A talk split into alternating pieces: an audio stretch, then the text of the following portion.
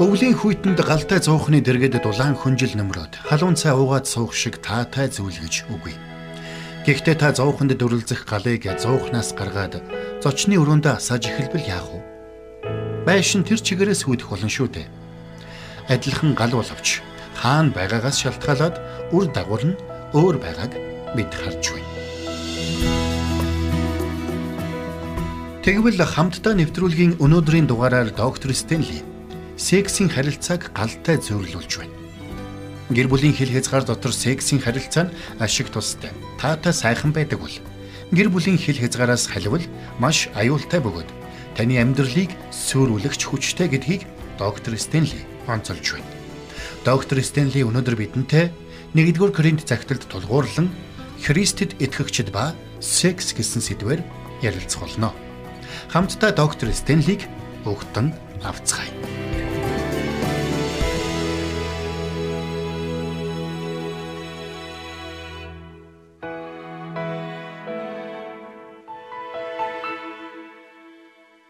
За тэгэхээр юуны өмнө Библийг нэгээд 1-р Коринт номын 6 дугаар бүлгийн 12-оос 20 дугаар ишлэгийг харцгаая. Надад бүх юм зөвшөөрөгддөг. Гэсэн ч бүх юм тустай биш. Надад бүх юм зөвшөөрөгддөг. Гэсэн ч би юугаарч эзэмдүүлэхгүй. Хоол нь ходоодонд, ходоод нь хоолнд зориулогджээ. Харин бурхан тэдний аль альнийг нь үгүй болгоно. Би энэ садарлалт бос харин эзэн зориулогддог бол эзэн бидэжээ. Эзнийг Бурхан амьлуулсан төдийгүй биднийг ч бас өөрийн хүчээр амьлуулна. Бис чинь Христийн эргэтнүүд гэдгийг та нар мэдэхгүй гэж юу? Тэгвэл би Христийн эргэтнүүдийг авч тэдгэрийг янхны эргэтнүүд болгох уу? Огт үгүй. Янхантай нийлсэн түнтэй нэг бий болно гэдгийг та нар мэдэхгүй гэж юу? Учир нь хоёр нь нэг махбод болно гэсэн юм. Харин эзэнтэй нийлсэн түнтэй нэг сүнс болоо. Садар самунаас зүгт. Хүний үлддэг нүгэл бүр биеийнх нь гадна байдаг. Харин садарлагч нь өөрийнхөө биед нүгэл үлддэг. Та нарын бие бол Бурханаас та нарт буй доторч нь байдаг ариун сүнсний сүм бөгөөд та нар ч өөрсдөө өөрсдийнх бус гэдгээ мэддэггүй юм уу? Та нарыг үнтэйгэр худалдан авсан тул биеэрээ Бурханыг алдаршуул. Өнөөгийн хүмүүсийн хувьд мөнгө, эрх мэдэл болон секс бүхнээс дээгүр орох бурхад мэд тооцогдох болсон. Гэвч сайтар бодоод үзэх юм бол зөвхөн өнөө үед ч биш. Бүхий л үеийн туршид, бүхий л соёл иргэншилд энэ гурван зүйл яг бурхан мэт эрх мэдэлтэй байсаар ирсэн юм. Та түүхийн ямар ч ном гаргаад уншихад л өнөөгийн бид эрт үеийн хүмүүсээс энэ тал дээр ямар ч ялгаагүй болохыг төггүй олж харах болно.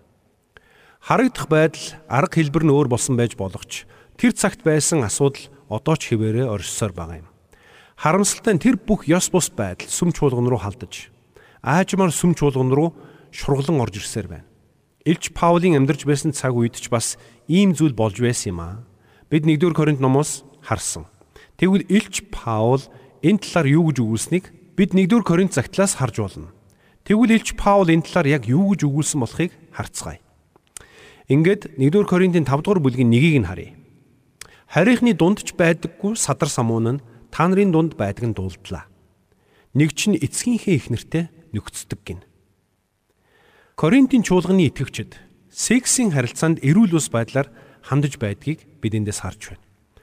Харин тэдэнд хандан битсэн Паулийн загтлаас Христэд итгэгчид сексийн харилцаанд хэрхэн эрүүл саруулаар хандах учиртайг олж харж чадна.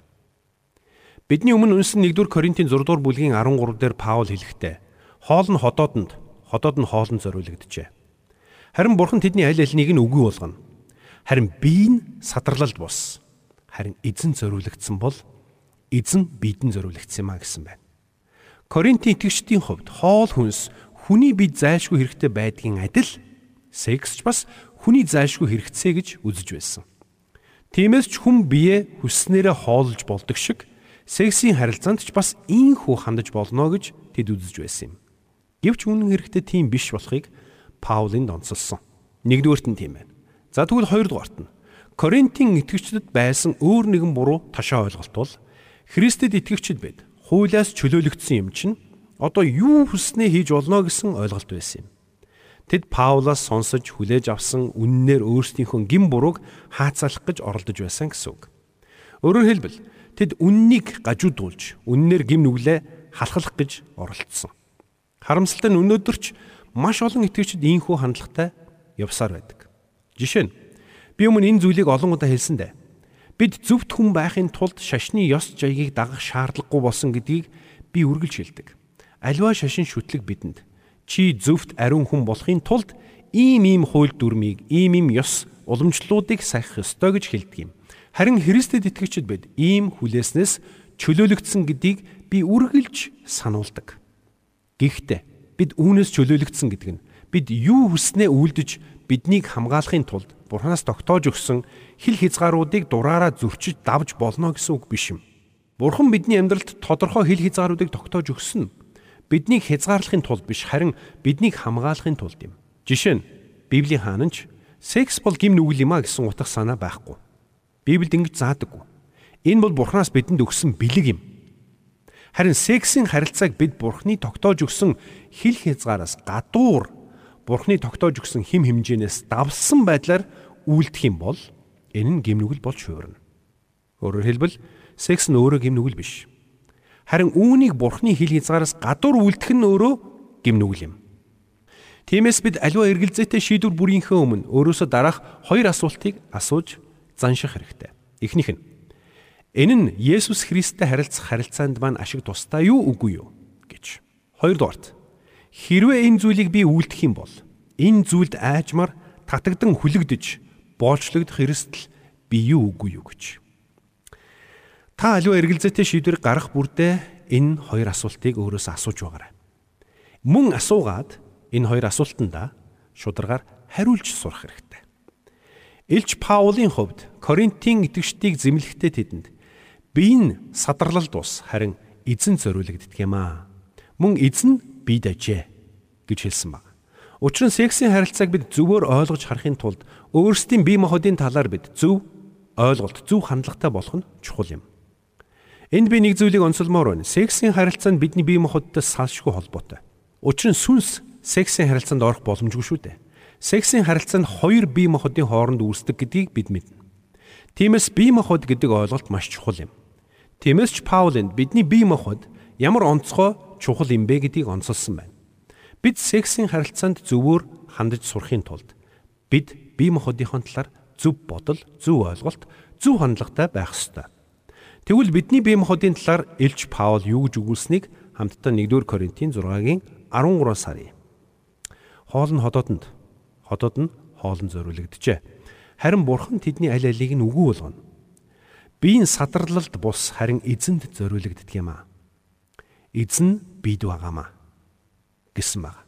Эндээс үзвэл Паул юуны түрүүнд биеийн садарлалд бус харин эзэнд зориулагддаг гэж хэлсэн байна.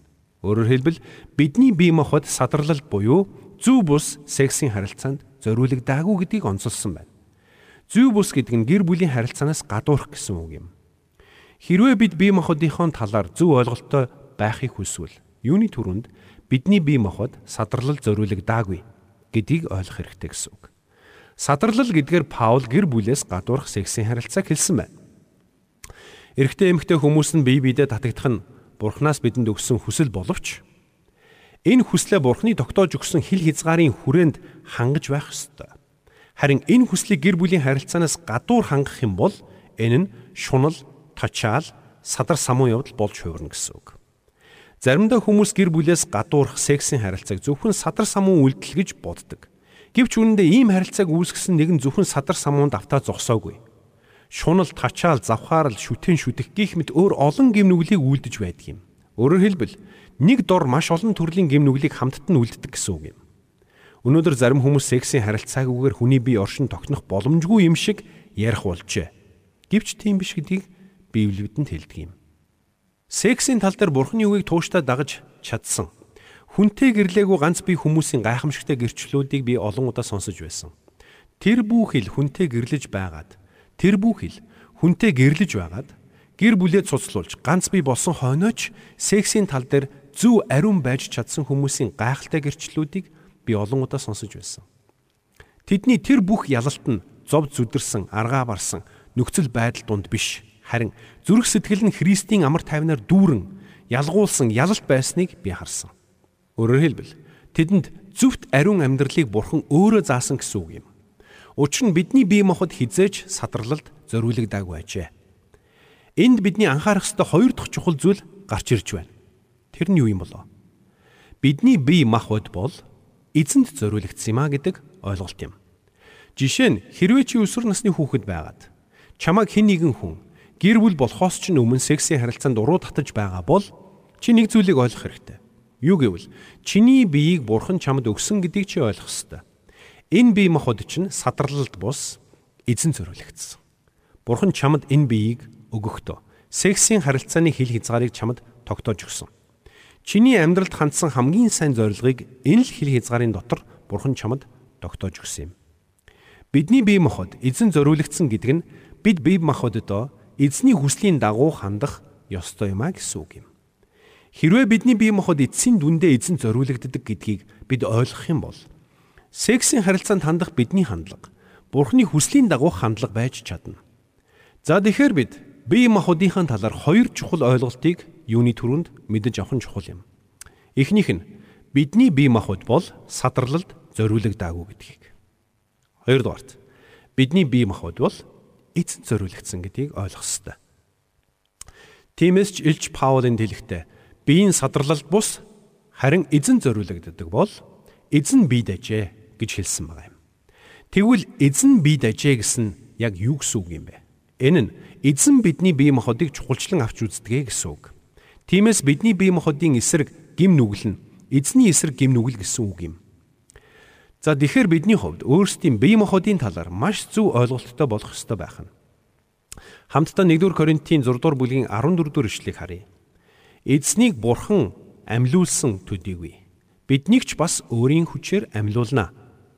Энд дээр юу гэсэн гэж Есүс Христийн үхлээс амьлуулсан тэрл хүч бидний биеийг ч бас үхлээс амьлуулах болно гэдгийг Паул хэлсэн байна. Бидний бие махбод Бурхны хувьд үнцэнтэй. Ирхэм нандин гэдгийг бид эндээс ойлгож болно. Мөн цааш нь харъя 15 дугаар ишлэл дээр. Биес чинь Христийн эргэтнүүд гэдгийг та нар мэдэхгүй гэж юу? Тэгвэл би Христийн эргэтнүүдийг авч тэдгэрийг янхны эргэтнүүд болгох уу? Огт үгүй. Мөн цаашаа хамтдаа 1-р Коринтын 12-ын 13-ыг харъя. Учир нь евдээчүүд эсвэл грекүүд, боолууд эсвэл эргчлөөд хүмүүс ч ялгаагүй. Бид бүгд нэг сүнсээр нэг бие рүү баптизм хүртэж, нэг сүнсийг уусан юм а гэсэн байна. Бурхан биднийг Есүс Христ химээх нэг бие рүү баптизм хүртснээр биднийг Христийн биеийн нэг хэсэг болгосон юм. Тиймээс таны бие бүхэлдээ Христийн биеийн нэг хэсэг гэсэн үг юм. Библи Христийн бие гэж хэлэхдээ та биднийг энэ бүхэл нэг биеийн нэг хэсэг болгон авч үздэг юм. Таны бие болон сүнс бүхэлдээ Христийн биеийн нэгэн хэсэг нь. Христэд итгэгчид бид бүгдээрээ хамтдаа нэгдээд энэ дэлхий дээр Христийн том биеийг бүрдүүлдэг юм. Харин таны үр хүүхэд зээч нь биологийн хувьд таны бие махбодын нэгэн хэсэг. Үүний нэгэн адил та бид Бурхны хүүхдүүд болсноороо Христийн биеийн нэгэн хэсэг болсон юм. Тиймээс ч 1-р Коринтын 6-гийн 15-д хэлэхдээ биес чинь Христийн эргэтнүүд гэдгийг та нар мэдэхгүй гэж юу? Тэгвэл би Христийн эргэтнүүдийг аваад тэдгэрийг янхны эргэтнүүд болгох уу? Огт үгүй юм гэсэн байгаа юм. Эндээс үзвэл бид гэр бүлээс гадуурх сексийн харилцааг үүсгэх үедээ өөрсдийгөө янхан болгож байгаа үг юм а гэсэн байна. Өөрөөр хэлбэл Христийн биеийн нэг хэсгийг салгаж аваад янхны бие болгож байна гэсэн үг. Тиймээс ч Паул 1-р Коринтын 6-гийн 15-д хатуу сануулan хэлэхдээ Биес чинь Христийн эртнүүд гэдгийг та нар мэдэхгүй гэж юу? Тэгвэл би Христийн эргэтнүүдийг авч тэдгэрийг янхны эргэтнүүд болгох уу? Огт үгүй юм гэсэн юм. Паулинд янхантай нэг оронд орох гэж хэлээгүү. Харин янхны эргэтнүүд болгох гэж хэлснийг бид анхаарах хэрэгтэй. Паул ингэж хэлсэн сексийн харилцаа гэдэг нь зүгээр нэг хоёр хүн хамт ундах төдий асуудал биш. Харин бие махбод төдийгүй сүнсээрээ нэгдэж нэг болох тухайн асуудал юм а гэдгийг онцлон хэлсэн байна. Тиймээс 1-р Коринтын 6-гийн 16 дээр нь хэлэхдээ Янхантай нийлсэн түүнтэй нэг бие болно гэдгийг та нар мэдэхгүй юу?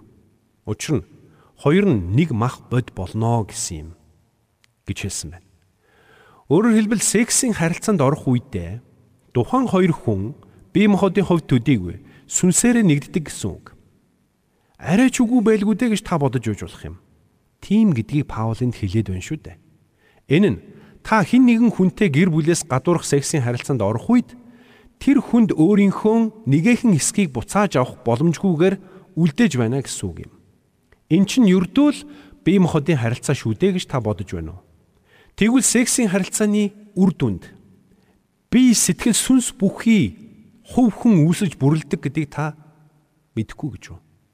Тэр утгаараа сексийн харилцаа гэдэг бол маш онцгой харилцаа юм.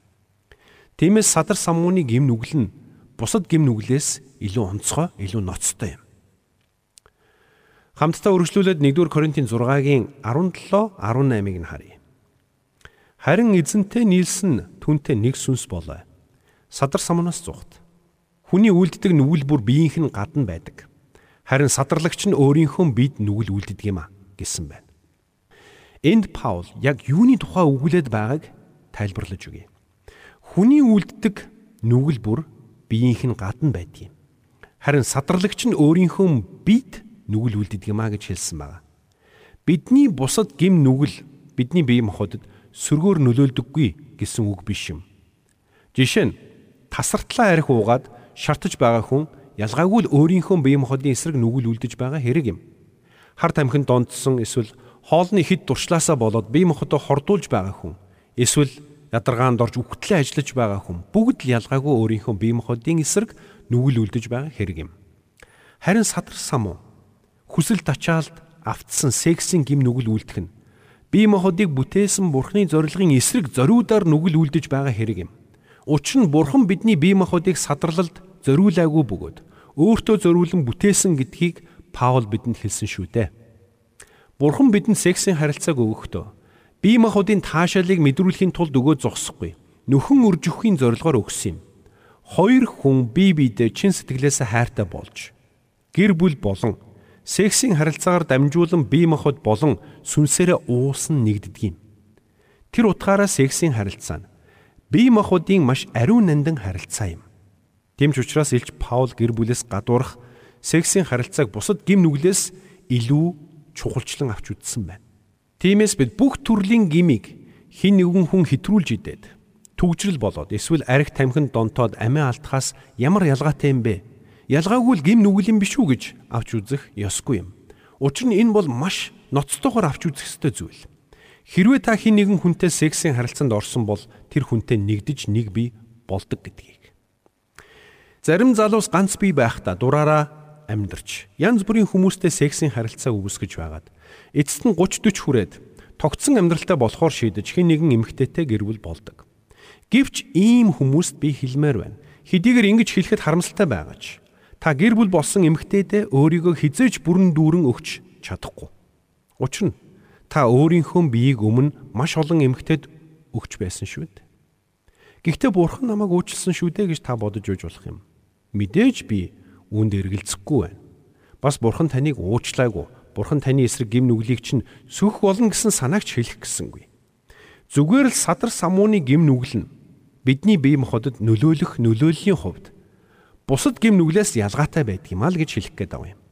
Мэдээж бурхан таны бусад гим нүглийг уучлсны яг адил таны садар самуун явдлыг ч мөн уучлна. Гэхдээ бурхан уучлсан гэдг нь тухайн зүйлээс үлдсэн сорив нь ор мөргөн алга болно гэсэн үг биш юм. Мэдээж бурхан уучлсан, цэвэршүүлсэн, хайрлсан, хүлээж авсан. Гэхдээ сорив нь л үлднэ л гэдгийг хэлж байгаа юм. Хамтдаа 1-р Коринт номныхон 6 дугаар бүлгийн 19-ийг нь харъя. Та нарын бие бол Бурханаас та нарт буй. Дотор ч нь байдаг ариун сүнсний сүм бөгөөд та нар ч өөрсдөө өөрсдийнхөө бус гэдгээ мэддэггүй юм уу? Тухайн үеийн түүхээс харах юм бол нөхөн үржихийн бурхан гэгддэг Афродитагийн сүм маш алдартай байсан. Тэр сүмд Афродитагийн тахилчид гэж мянган мянган янхнууд амьдарч байсан юм. Тиймээс ч Паул 1-р Коринтын 6-гийн 19-т Та нарын бие бол Бурханаас та нарт буй. Дотор ч байдаг ариун сүнсний сүм бөгөөд та нар ч өөрсдөө өөрсдийнх бус гэдгээ мэддэггүй юм уу хэмээн анхааруулсан юм. Тиймээс та одоо миний хэлэх үгийг анхааралтай сонсож марталгүй тогтоож аваарай гэж хэлмээр байна. Хэрвээ Христэд итгэгч хүн гэр бүлээс гадуурх сексийн харилцаанд орсон бол та тэр үйлдэлтэй Есүс Христийг татан оруулсан гэсэн үг юм. Учир нь тэр хүн Би Есүс Христийг аврагч эзнээ болгон хүлээн авч байна хэмээн итгэлээрээ тунхагласан тэр мөчөөс эхлэн Есүс Христ ариун сүнсээрээ тэр хүний дотор нутаглах болсон юм. Тиймээс та Христэд итгэсэн хойно садар самууныг үлдэх үедээ Христийг үүндээ татан оруулж байна гэсэн үг юм. Чухамда ийм л шалтгааны улмаас Бурхан сексийн харилцааг гэр бүлийн хил хязгаарын дотор зөвшөөрсөн юм. Тиймээс та дараа нь гэр бүлээс гадуурх сексийн ямар нэгэн харилцаанд уруу татагдах үедээ та Есүс Христ надтай хамт байгаа гэдгийг санаарай. Мөн цааш нь 1-р Коринтын 6-р бүлгийн 19-с 20-ыг нь харах юм бол Илч Паул та нарын бие бол Бурханаас та нарт буй. Доторч нь байдаг ариун сүнсний сүм бөгөөд та нар ч өөрсдөө өөрсдийнх бус гэдгээ мэддгүй юм уу?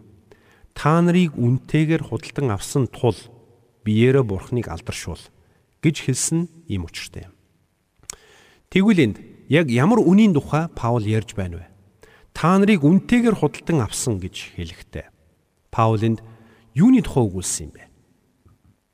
Есүс Христ таныг өөрийн болгож авахын тулд загалмай дээр цусаа урсгасан гэдгийг та санаарай.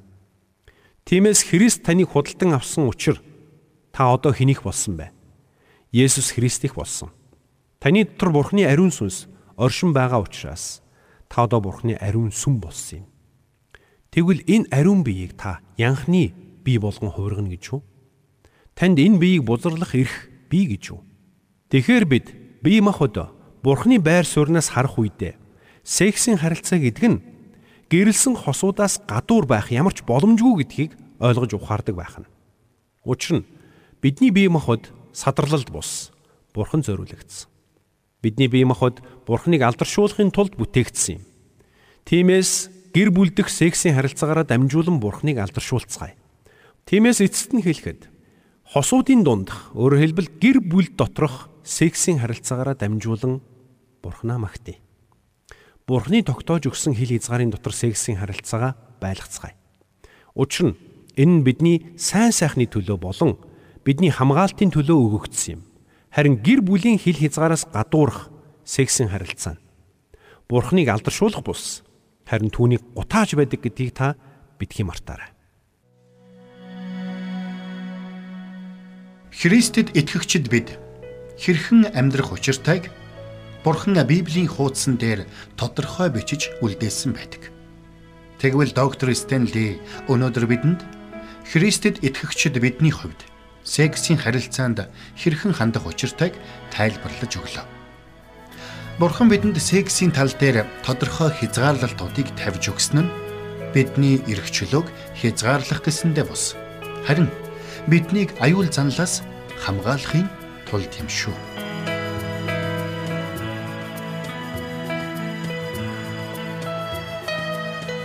Бурханд тэмүүлсэн сэтгэл хүмүүсийг энэрх зөрхөөр амьдрахад туслах номлогч доктор Чарлз Стенлигийн хамттай нэвтрүүлэг сонсогч танд хүрэлээ. Нэвтрүүлгийг дахин сонсохыг хүсвэл ихтгэл радиоцик.com-оор зочлоорой. Бидэнтэй холбогдохыг хүсвэл 8085 99 тэгтэг дугаард хандаарай.